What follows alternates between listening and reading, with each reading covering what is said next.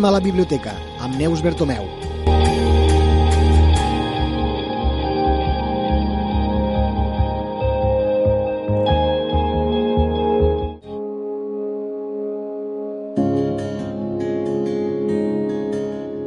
És dimecres, són 10 minuts els separen de les 11 del matí i és el moment ideal, en tot cas, per donar la benvinguda a Neus Bertomeu, directora de la Biblioteca Delta de l'Ebre. Bon dia, Neus, i benvinguda. Bon dia, gràcies. Uh, avui, com diem, és el dia que nosaltres aprofitem el recapte per entrar a la biblioteca, el dia en què coneixem novetats de la biblioteca o bé insistim en diferents seccions, en diferents, no sé com dir-ho, diferents temàtiques, no?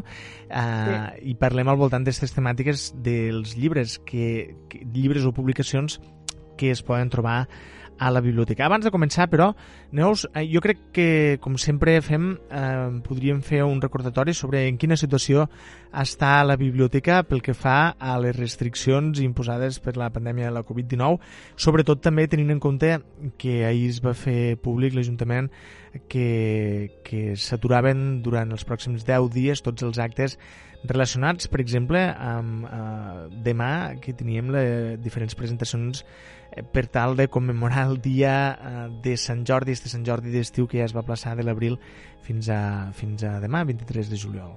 En quina situació ens trobem, Neus, a la biblioteca? De fet, el que és el servei de biblioteca no té cap canvi, mm -hmm. perquè quan vam entrar en aquesta última fase, que en principi eh, la llei permetia que els usuaris tinguessin accés al fons eh, per qüestions d'organització i també per, per mantenir, diguéssim, uh -huh. un sistema de seguretat sanitària al màxim, eh, l'Ajuntament va decidir que no, o sigui, que els usuaris no tenien accés al fons, continuem nosaltres traient els llibres uh -huh. i, per tant, o sigui, és una mica més restrictiu del que podria ser, però vist com evoluciona el tema de Covid, penso que va ser una, en principi, un, una idea, una bona idea, I no? Tant. Mantindre este, este control, diguéssim, sobre el fons. Encara que el paper és dels, dels materials que menys ajuden, diguéssim, a, a que se con, mm -hmm. pugui contagiar el Covid, o la Covid, com sigui que es digui, no sí. sé quin gènere té. Mos ho has dit un munt de vegades que el paper és un d'aquells materials que retenen el virus i fan molt difícil que sigui eh, una superfície transmissora, per dir-ho així. Es parla del coronavirus i de la Covid. Covid. Sí. Gràcies. sí, perquè a vegades vols parlar en propietat i no acabes de, de trobar. Tot, tot i així, si seguissis els mitjans de comunicació, a cada, a cada canal ho diu d'una manera, cada periodista ho diu d'una manera, però les recomanacions per part de l'Optimot, que és este organisme, i del Termcat, que són els diguéssim, els encarregats d'incorporar neologismes i de dir si són masculins, si són femenins, de quina manera s'han d'usar, recomanen eh, usar-ho en femení, és a dir, dir la Covid-19 i el coronavirus partir d'ara, a veure si me'n recordem i, i utilitzem les paraules en propietat. Bueno, com bé has dit abans, normalment, present, bueno, últimament hem presentat bastantes novetats. Uh -huh. De fet, la setmana passada vam parlar de, de novetats de, en general de les Terres de l'Ebre, no? fent incís en les de la de Deltebre, perquè com que teníem previst fer aquesta presentació demà, aquestes presentacions demà, doncs havíem passat una mica d'informació però, bueno, malauradament, degut a l'evolució de, del, de la Covid, pues, l'Ajuntament ha decidit que se suspenen actes per, a, bueno, per previndre no? que pugui ampliar-se este contagi que no, no convé a ningú, no? ni a les persones ni, ni a la població com a municipi. Llavors, avui, mm, bueno, per trencar una mica aquesta línia de sempre novetats, novetats, que a veure, també en tenim, no? però podria fer una mica recordar no? o insistir en temes que tenim a la biblioteca que jo penso que són interessants, que no és la novel·la, que la novel·la no cal que la promocionem perquè ja ve la gent a buscar novel·la, però hi ha altres temes que hi ha llibres molt interessants i penso que està bé que de tant en tant doncs, féssim este recordatori i, i mostréssim que a lo millor a algú no li agrada llegir novel·la però pot llegir altres coses no? que també són interessants. De fet, la lectura és un, dels, de les coses que podem fer per a mantenir més actiu i amb més bona salut el cervell i per tant si pensem viure anys doncs està bé que el treballéssim també no, no només que ens exercitéssim físicament sinó que també ens exercitéssim neurològicament. Així és, a més a més, a més a més, Neus, avui és el Dia Mundial del Cervell i una de les accions que recomanen per mantenir el cervell engraçat, diguéssim, en forma, és llegir. O sigui, perfecte, que és... Vull dir que coincideix, no?, a més, en aquesta data que està molt bé. És que realment el problema, moltes vegades el problema de que s'allarga la, la edat, no?, o l'expectativa de vida, és que eh, tens una vida més llarga, però a vegades físicament estàs molt cascat o, mm. o el cervell pues, no et funciona com t'ha de funcionar. Llavors, si realment hem de se manté aquesta expectativa de vida, el millor que podem fer és això, exercitar-nos físicament i també neurològicament perquè el cervell nostre pues, se mantingui, perquè si has d'estar al món i no n'has d'enterar de res també és una llàstima. Exacte. Des, des d'aquí no cal dir que insistim en recomanar la lectura com una de les eines per a mantenir el cervell en actiu. Bueno. Molt bé, doncs a veure, en què començarem avui? Aquí eh, teníem uns llibres apartats que quan vam, quan vam iniciar el servei, diguéssim, de biblioteca després del, de la, del parèntesi este del, de la, del tancament, diguéssim, de serveis, eh, fèiem préstec i, a més, ficàvem algun llibre de préstec sorpresa que diem nosaltres, no? una miqueta intentant o sigui, pensar en la persona que venia a buscar el préstec, que normalment sempre agafen el mateix tipus de llibres, no intentar sorprendre'ls en alguna cosa que pensaven que també els mhm. pogués interessar. Llavors vam separar certs llibres i ara abans de posar-los a lloc vaig pensar, pues, bueno, podem parlar-ne no? per la ràdio. Aquí tenim, per exemple, este de Jorge Wagensberg, que és A más como menos por qué, o Jorge Wagensberg, perdoneu, És un, una persona bastant coneguda, ha sortit als mitjans i així, perquè de fet ha sigut director del Cosmo Caixa durant molts anys. Ah, sí, sí. I, bueno, és un home que té moltes coses a dir. Llavors, eh, fa, recull 747 reflexions en la intenció de comprendre lo fonamental, lo natural i lo cultural. De fet, és, és un home amb un ampli coneixement de molts aspectes i llavors aquí es, són frases curtes, vull dir, és un llibre d'estos que es pot llegir en moments puntuals perquè no és una narració no? que comença d'una manera i acaba uh -huh. i que mos pot, mos pot infundir no? una mica de saviesa i una mica de, de plantejar-nos moltes coses que a lo millor no mos plantegem. A más como menos por, por qué de Jorge Wagensberg. Apuntat queda. Després tenim este, que és un llibre de física, de... però explicada eh, agafant, diguéssim, com a, com a exemples els superherois. La física de los superhéroes. Sí. És un enfocament molt diferent no, del que estem acostumats. La física és una cosa sèria, molt seriosa. I llavors està bé perquè fica un, o sigui, explica teories físiques a partir de, de l'exemple dels, agafant, diguéssim, com a mostra, mostra els uh -huh. superherois. No és un llibre especialment il·lustrat, sí que hi ha alguna vinyeta així, però bueno, és una manera de d'entrar, diguéssim, en el món de la física. Clar, explicada en, en casos extrems com és el dels superherois, de per què vola un superheroi, no? I, i si això seria possible. M'imagino que agafen aquests exemples per a, per a parlar de física, però a partir de coses eh, sobrehumanes, diguéssim, no? Sí, sí, uh -huh. qüestions d'aquest tipus. Aquí també tenim un llibre de la Sonia Fernández Vidal, que és Desayuno con partículas, que també diu la ciència com un antes te l'han contada, una mica això, apropar la ciència i les mm. teories científiques a, a, al lector de peu, no? que, que vol saber una mica més. De fet, ja sabem que la, la, les ganes de saber coses és lo que és, ha sigut el motor no? que ha fet mm-hmm. evolucionar la humanitat, no? perquè si haguéssim continuat fent les coses com s'havien fet sempre, doncs no haguéssim avançat. I en canvi aquí, bueno, la ciència no, en aquest sentit doncs, ha sigut una eina important. Desayuno con partículas és un llibre que recorda la portada a aquells llibres que feia l'Eduard Ponset, no? d'estos de divulgació científica eh, de, de, peu, de peu pla, diguéssim, no? No sé com sí, dir-ho, sí. de, de, de carrer. D'apropar, sí, sí, sí. De divulgació, o sigui, No sé si pot ser la mateixa editorial que marca una mica això, l'estètica, mm -hmm. o els dissenyadors de cobertes, o el que sigui, però sí que recorda una mica aquest tipus de, de llibres. Mm. La Sonia Fernández Vidal té una trilogia que es diu La porta dels tres panys, que és una, és una sèrie de novel·la juvenil que okay. està, o sigui, una mica explica la que, lo que és la física quàntica, no? Una mica utilitza la física quàntica per a desenvolupar la història. Mm -hmm. És la mateixa autora de Desayuno con partícules. Després aquí tenim aquesta col·lecció que es diu Guia breve de Blume, una edició que a mi m'agrada molt. -huh. és, són llibres en tapa dura, tenen una estètica molt actual, eh, les, la informació va en píndoles, no? que vull dir, que molt xulo. fàcils de, de, de tragar, diguéssim, perquè parlen de cada una de les teories, no? d'aquestes 50 teories científiques, i, i parlen en, pràcticament en un minut te pots llegir l'explicació i després hi ha com uns petits inputs d'informació més breus que encara te fan apropar més rapidesa a la teoria i després, a part, està il·lustrat i així.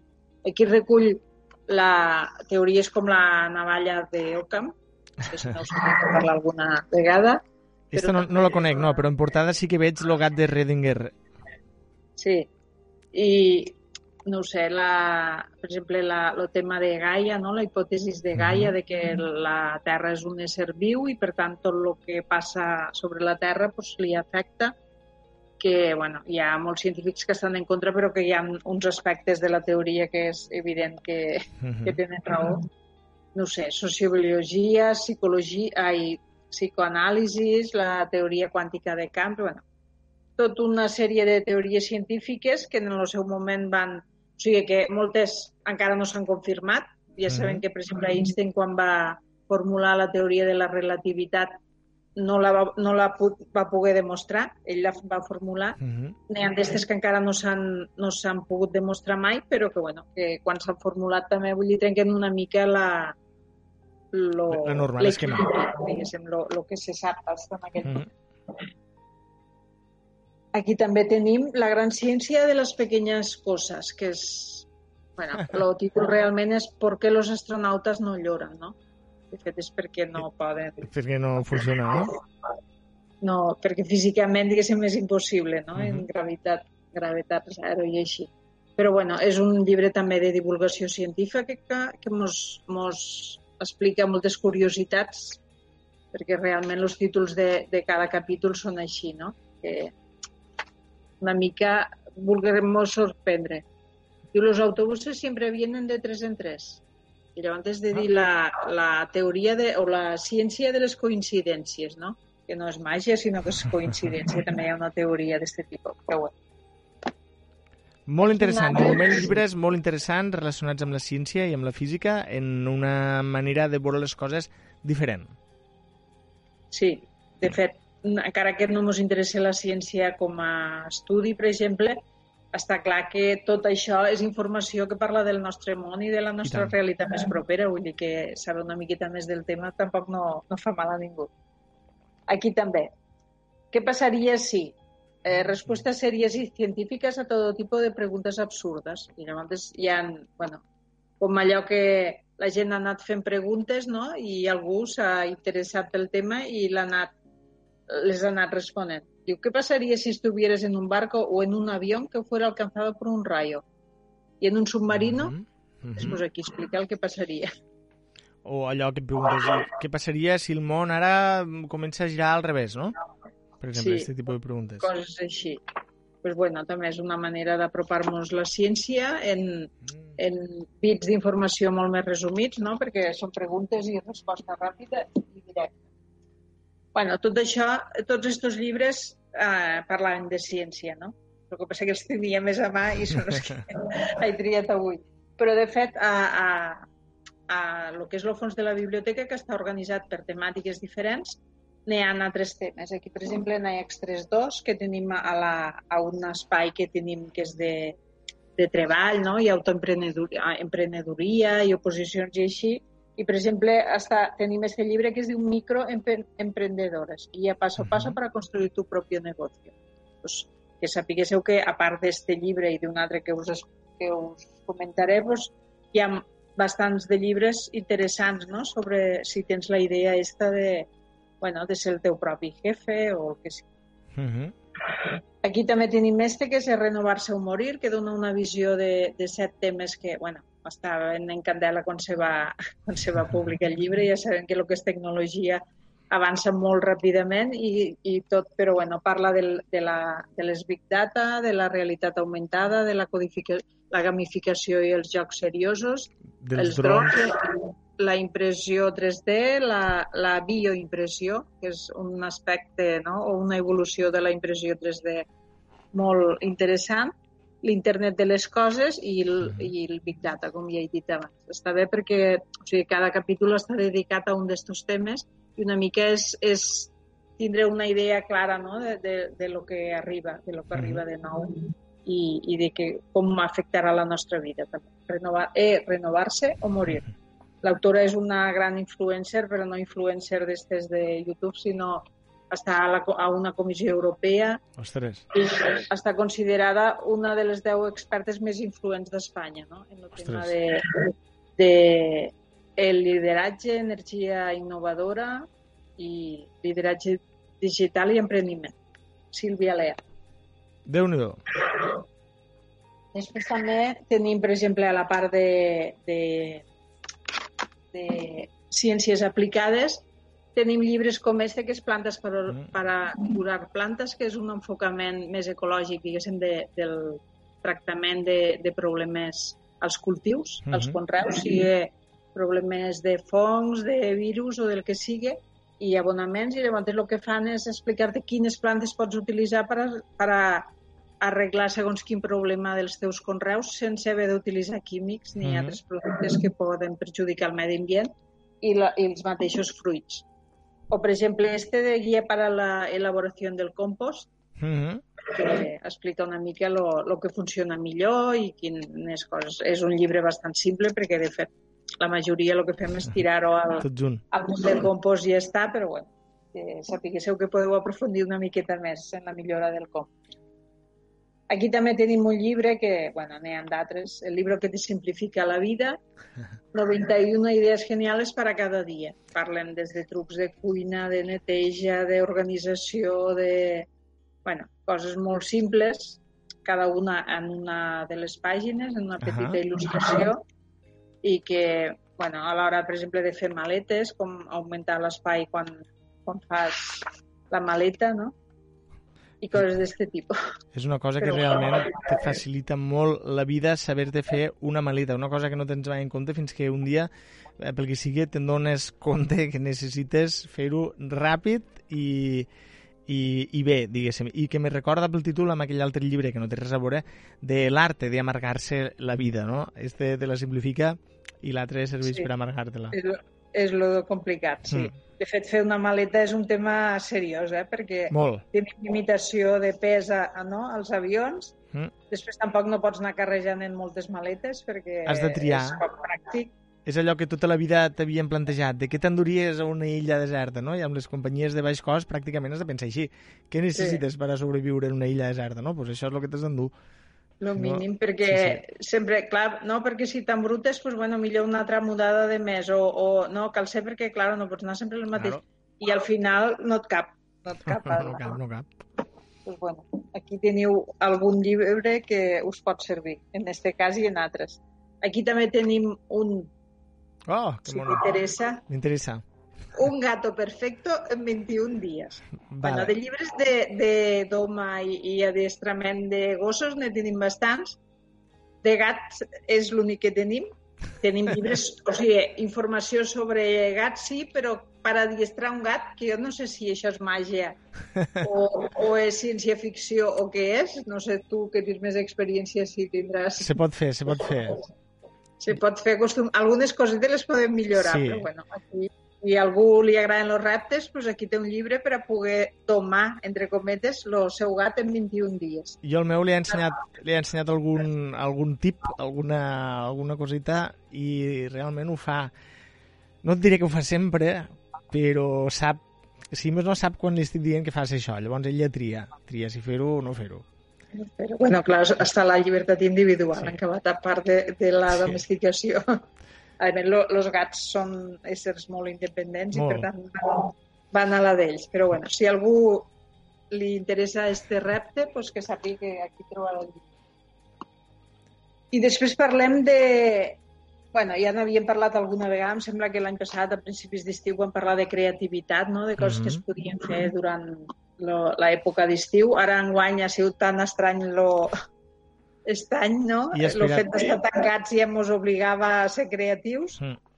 Probablement la majoria han desenvolupat molt la creativitat. Jo estic pensant, per exemple, en la publicitat que fa IKEA, que sempre s'assegura molt a l'hora de fer les publicitats, no? que diu, tu què pensaves, no?, que la paraula coser només la posaves després de i cantar, Sí, i la unies a... i ara ja t'estàs fent, no?, fer el pudo. Però, bueno, sí, sí. la creativitat cada vegada se'n parla més, a qualsevol, a qualsevol empresa valorem molt que la persona sigui creativa i aquí tenim un, dos dels llibres que tenim del gurú del, de la creativitat Edward de Bono, que té bastants. No el coneixo, de- no. No el coneixo, Bueno, no.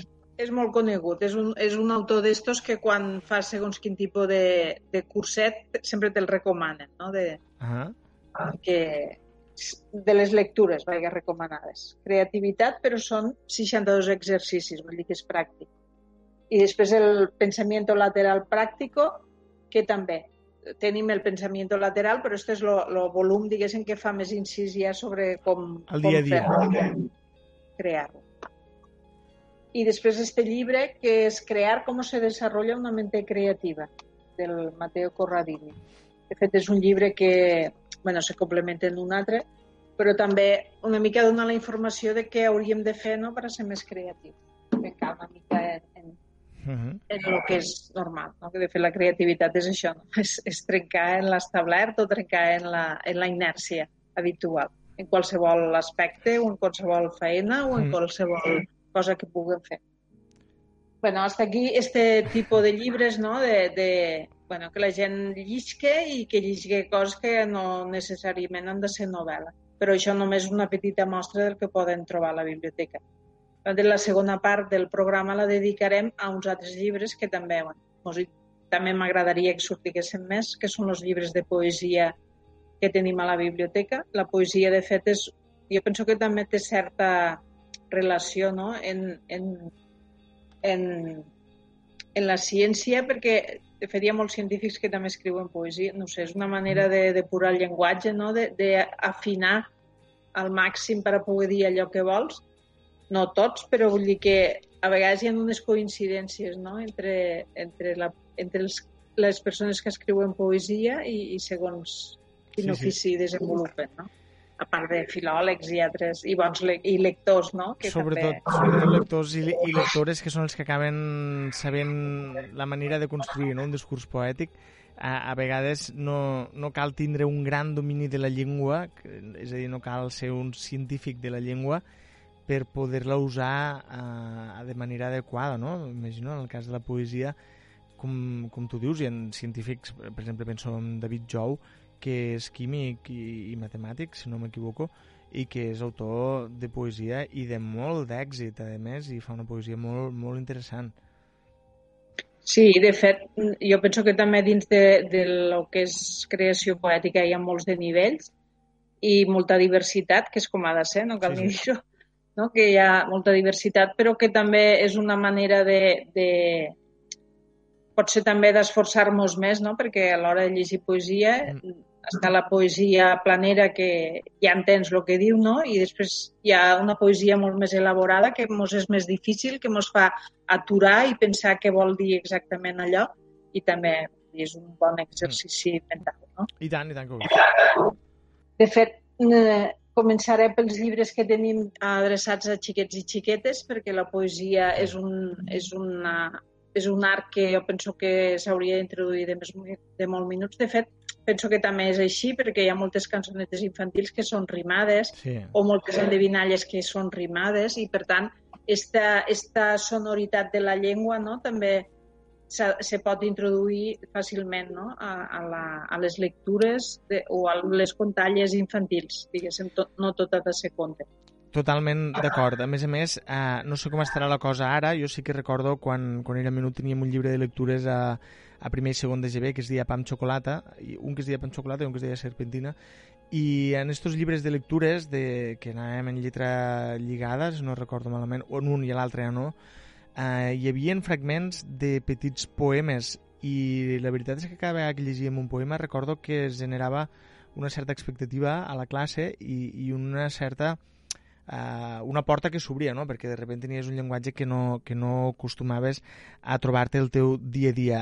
Uh, un d'aquests llibres estava eh, curat per la Maria Aurelia Campmany, la filla de l'Aurelia Campmany, i com tots sabem una gran escriptora i activista cultural, i feia tries, recordo llegir eh, diu, parlava de, per exemple, Miquel Martí Pol i deia un poeta jove, no? Vull dir, imagineu-vos en quin any se va fer eh, este llibre que Miquel Martí Pol era un poeta jove eh, Miquel Martí Pol, Joan Salvat Papaseit, Tomàs Garcés, eh, Josep Carné, però poemes accessibles. Avui en dia trobes que, eh, ja et dic, en educació infantil no sé com funciona, però en educació secundària els adolescents del nostre país estan forçats a tindre uns coneixements de poesia que és absolutament avorrida i desinteressant, que és més aviat ha estat important, perquè ho ha estat, eh, sobretot després de la Guerra Civil, però que ara no interessa gens. I, en canvi, molts autors que fan poesia que podria interessar als joves i les joves del nostre país estan completament fora dels circuits editorials. Per què? M'imagino perquè les editorials eh, se recreen, se apalanquen, que diríem, i, i es dediquen només a repetir Espriu, Carné i Riba, Espriu, Carné i Riba. I són poetes del segle passat, alguns nascuts fa dos segles és a dir, quan el boom i la gran època de la literatura d'or i de la poesia catalana és ara. És ara, estem vivint ara, este moment, no? En fi. És una manera de desincentivar no, la Total lectura de poesia. Perquè si sí. t'han d'entrar en calçador segons quin tipus de poemes, i en cap el fet, este, esta antologia que nombraves tu, no? curada per la Maria Eulàlia Capmany. Que era un llibre de lectures, eh? D'apropar, o sigui, tots els grans poetes tenen poesia més assequible, no? Sí, i tant. I que, que, que és una bona manera no? d'apropar, a part de, de les, les temàtiques no? que tracten, que mm. l'actualitat, jo penso que en els joves, si no són temes que els toquen de prop, que els toquen la, la fibra en ells, és molt difícil introduir-los en segons quines lectures. Llavors, en aquest cas, no? que ja és un gènere menor en el sentit de que no es llig tant com, com se llig la narrativa, s'hauria de fer un esforç per a facilitar-los, no? que, que els agradi o que tinguin ganes de llegir. Jo estic fet... completament d'acord amb això que dius. Bueno, doncs, començo parlant dels llibres que tenim a la biblioteca adreçats a, a xiquets i xiquetes, de, o sigui, de poesia adreçats a xiquets i xiquetes. Aquí, per exemple, tenim este que és Tu acabes els poemes, de la Lola Casas i Mercè Arànega, que mm. són dos autores molt conegudes. Bueno, L'Arànega és il·lustradora. Llavors, el que fan és bastir uns poemes no, de temes diversos i deixen, deixen algun forat perquè els xiquets i xiquetes endevinen no? o sàpiguen o, o posen ells no? aquella paraula que, fa, que falta o aquella frase que fa, o aquell verb o el que sigui. Uh -huh. I penso que també està bé perquè pot ser després d'haver-los introduït ja en la poesia, no? És ajudar-los uh -huh. amb això. A veure que són capaços de construir un poema i que és divertit fer un poema. De fet, lo, la, lo tema dels rodolins és un tema que a les escoles se tracta molt i que també ajuda a això. Són mm. simples, però aquí tenim este llibre que me, a mi m'agrada molt. És un llibre d'estos en fulls de cartrono per oh, als més menuts, en lletra de pal, que és la primera que comencen a llegir quan s'inicien en la lectura a l'escola. I, de fet, són els haikus, que són estos poemes tan breus de la, bueno, que venen de la cultura japonesa, que són tres versos de 5, 7 i 5, bueno, adaptats aquí, perquè mm -hmm. 6, o sigui, 5, 7 i 5 eh, síl·labes, en, en el cas del català, que no és exactament així en japonès, perquè en japonès són pictogrames i per tant, mm. i, o ideogrames, i per tant no és exactament així el conte, però bueno, hi ha hagut certa tradició de, de, de portar cap aquí los haikus japonesos, mm -hmm i, i s'han adaptat una mica a la nostra literatura. I és un petit llibre d'aikus per a xiquets i xiquetes que uh mhm. -huh. comencen a llegir. Qui són els autors o autores? Núria Albertí i Mercè Galí. Mm, Molt bé. Suposo que una, la, la Mercè Galí és la il·lustradora i la Núria Albertí és la, la creadora dels, dels haikus. Molt bé, apuntat. Els meus primers haikus. Sí. Bueno, tenim autors que han escrit bastanta poesia, però, per exemple, la Lola Casas, que acabem de comentar abans, Uh -huh. però després hi ha, hi ha, hi ha llibres que són sobretot per temàtiques, no? per diferents temàtiques. Aquí, per exemple, de la Lola Casas, de cap a peus, poemes del, poemes del cos humà. Mm, una temàtica és que agrada molt. Sí. Després la Visca Sant Jordi, també. Salut. Visca Sant Jordi, també de la Lola Casas, i són tots poemes relacionats en la Diada de Sant Jordi, la Mhm. lectura, els llibres, el drac, les roses i, i tot aquest tipus de temes. De la Montse Ginesta, un altre que també és poemes i haikus de Sant Jordi, de Sant Jordi, princeses i dracs. Uh -huh. Evidentment, tots els llibres estos estan il·lustrats, n'hi ha que en, en una Que il·lustració molt interessant també, com este de la que és de la mateixa, del Sepi la Nansa, del mateix dels haikus per a el meu primer llibre d'haikus. Editorial de, de Vilanova. Sí. Bestioles amagades, que de fet són poemes però són, són endevinalles, no? O Aha. sigui, es fan la doble funció, no? De, de, per a descobrir aquell animal que, Ah, que que mos, xulo. que mos presenten. També fulls de cartró i, ja us dic, una il·lustració molt, molt interessant per als més menuts. Ah, veig que estàs a punt d'agafar una, una joieta que fa, ja fa rato que l'estic veient aquí a l'estanteria i no sé si és la que anaves a agafar ara finalment o no, però és un d'aquells llibres este, No este, sé. de Este. capçalera. Jo el tinc i és una delícia, este llibre. Sí. De fet, és una antologia de poesia per a infants. Lo, la selecció és de Miquel Desclot, que també bastant reconegut. I tant. I, i mos apropa poetes uh, molt diversos. Vull dir, sí que recull aquí una gran diversitat de- d'autors de, de poesia, des dels clàssics als, als més moderns. De fet, aquí Hi ha poetes de, de tots els països catalans i, a més a més, eh, traduïts. També molts traduïts pel propi Miquel Desclot, que és un gran traductor del francès, va traduir a Jacques Prévert, eh, un poeta del qual crec que també hi ha alguna cosa amb, amb este llibre, però també ha traduït el Gianni Rodari, per exemple, eh, Sí. i altres autors internacionals que van tocar la poesia infantil, que és una de les poesies del tipus de poesia del gènere, si vols, més difícil, eh? No és gens fàcil fer poemes per xiquets i xiquetes i este llibre té de molt, molt, molt, molt bons. Molt. Sí, Hi ha un del Carles però- Agmor que es diu Un carrer que fa baixada, que és preciós.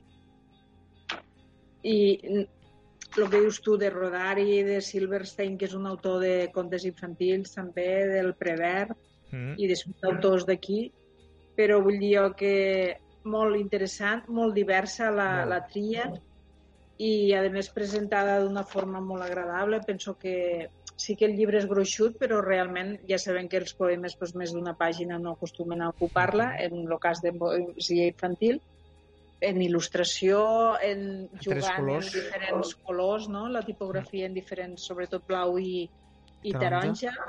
Però sí, aquí, per exemple, n'hi ha un, un poema del Salvador Pere Arnau que es diu La tomaquera. Ara que estem a l'època de la tomata, doncs, Sí, una de les que es, es poden llegir.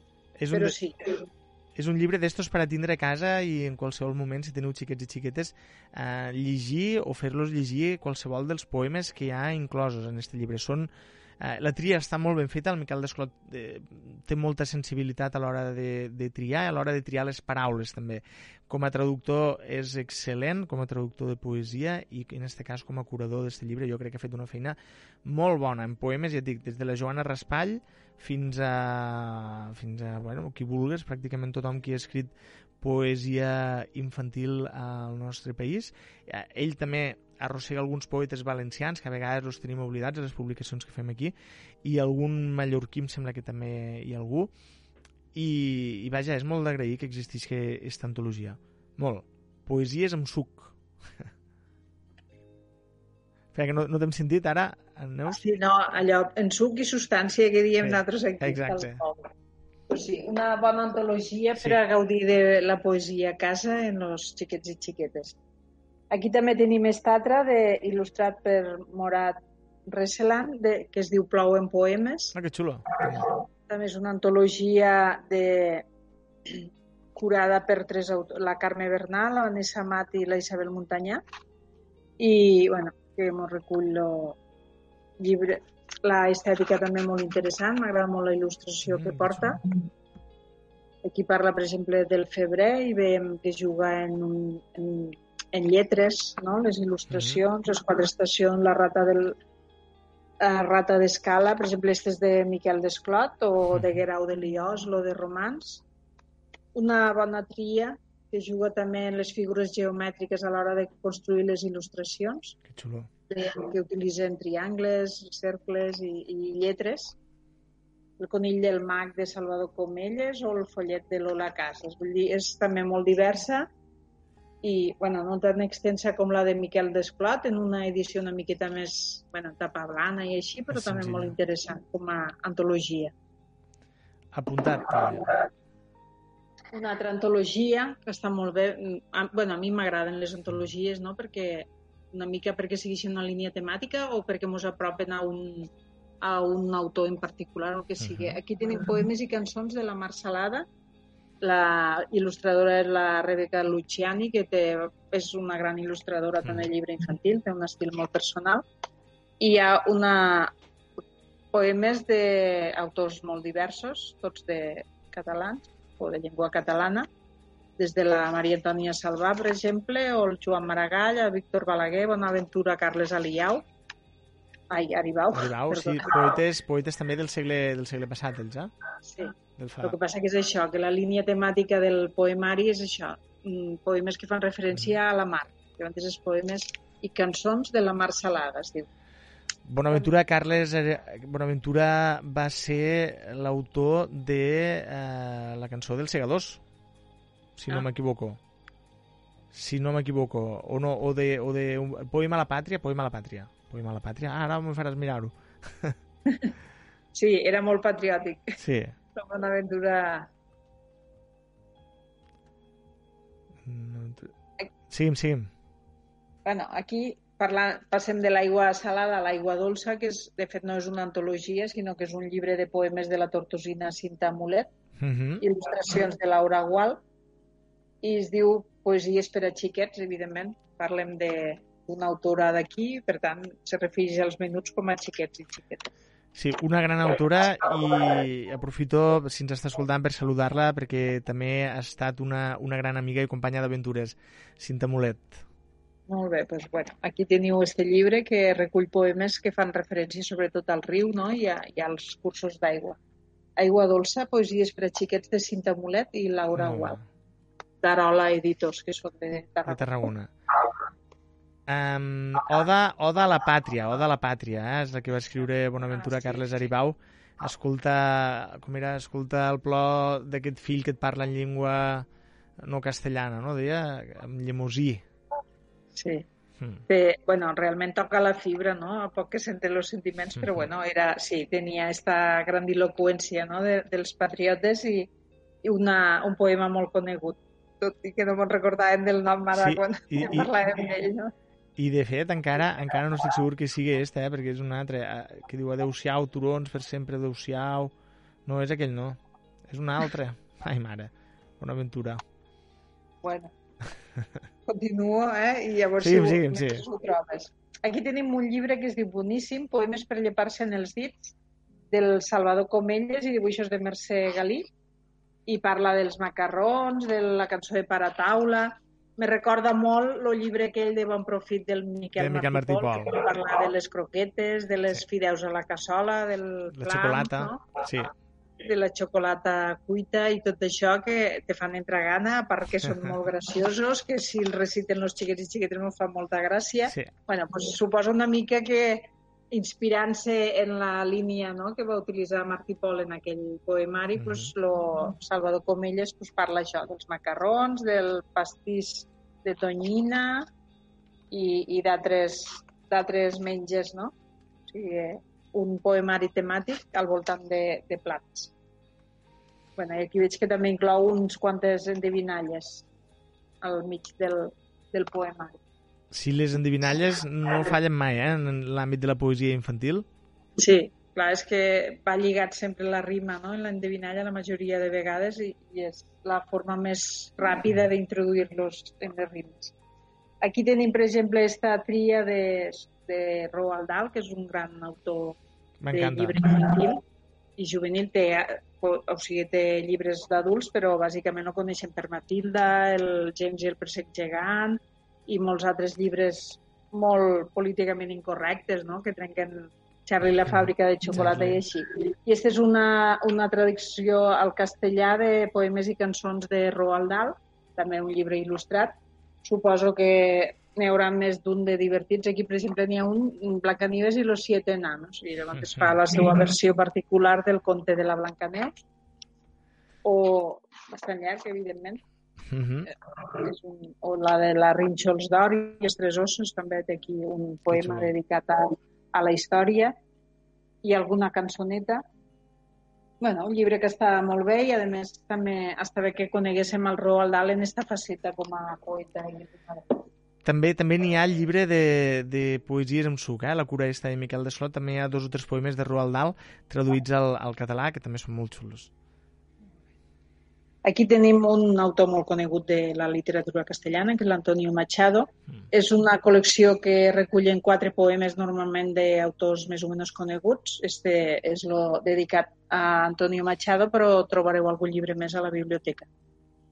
Diu Antonio Machado i una tarda de lluvia. Evidentment és llibre il·lustrat mm. perquè està pensat per als xiquets i xiquetes i hi ha una tria de poemes mm, més infantils, diguéssim, mm. de lo mm. que va poder escriure Machado. A un Olmo Seco, que també és un d'estos grans coneguts, no? un clàssic de, del Machado, o altres poemes. No, no recordo exactament, però bueno, aquí trobareu quatre poemes de l'Antoni Machado.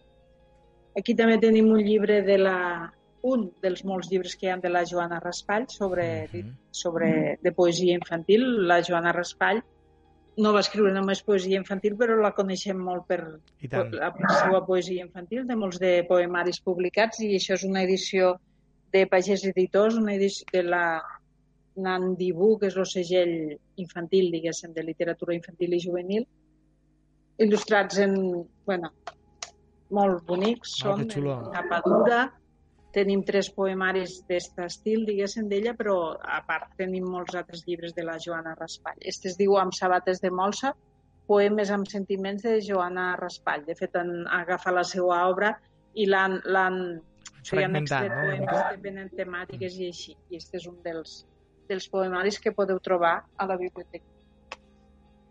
I de Joana Raspall passen dels poemes infantils a, a la poesia per adults, ja que aquí tenim la, el batec de paraules, que és poesia lírica completa. Sigui, ella va escriure molta poesia, també va escriure diccionaris, vull dir... Una... Sí, també hem de dir que la Joana Raspall va morir molt gran i fa relativament poc, després de, tot, de tota una vida dedicada a la, cu, a la, a la cura no, de la llengua i a la producció literària. Va ser una de les bibliotecàries que van salvar llibres durant la Guerra Civil, que van marxar amb un bibliobús travessant els controls eh, de, del bàndol nacional i salvant molts llibres, no?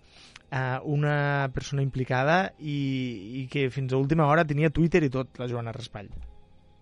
Sí, de fet va morir al 103, me mm, sembla, que sí. anys i, i molt, o sigui, molt activista. De fet, mm, sembla que també eh, donava cursos de català en clandestinitat, no? Mm -hmm. Sí, sí, 60 sí, sí. i així, i facilitava llibres en català, a part d'estos de, que van salvar no? en el bibliobús, però vull dir una dona, a més el que dius tu, curadora de la llengua, va escriure de, molts de, de diccionaris mm, especialitzats, sí, no? sí. allò d'assegurar-se no? que pervisqués la, mm la llengua de qualitat i així. I, evidentment, com a gran coneixedora de la llengua, també va ser una gran escriptora. Aquí, això, us convido no, a descobrir la Joana Raspall en la seva faceta de d'autora de poesia per adults, que és el recollista que tenim, Batec de Paraules. Batec de Paraules. Sí.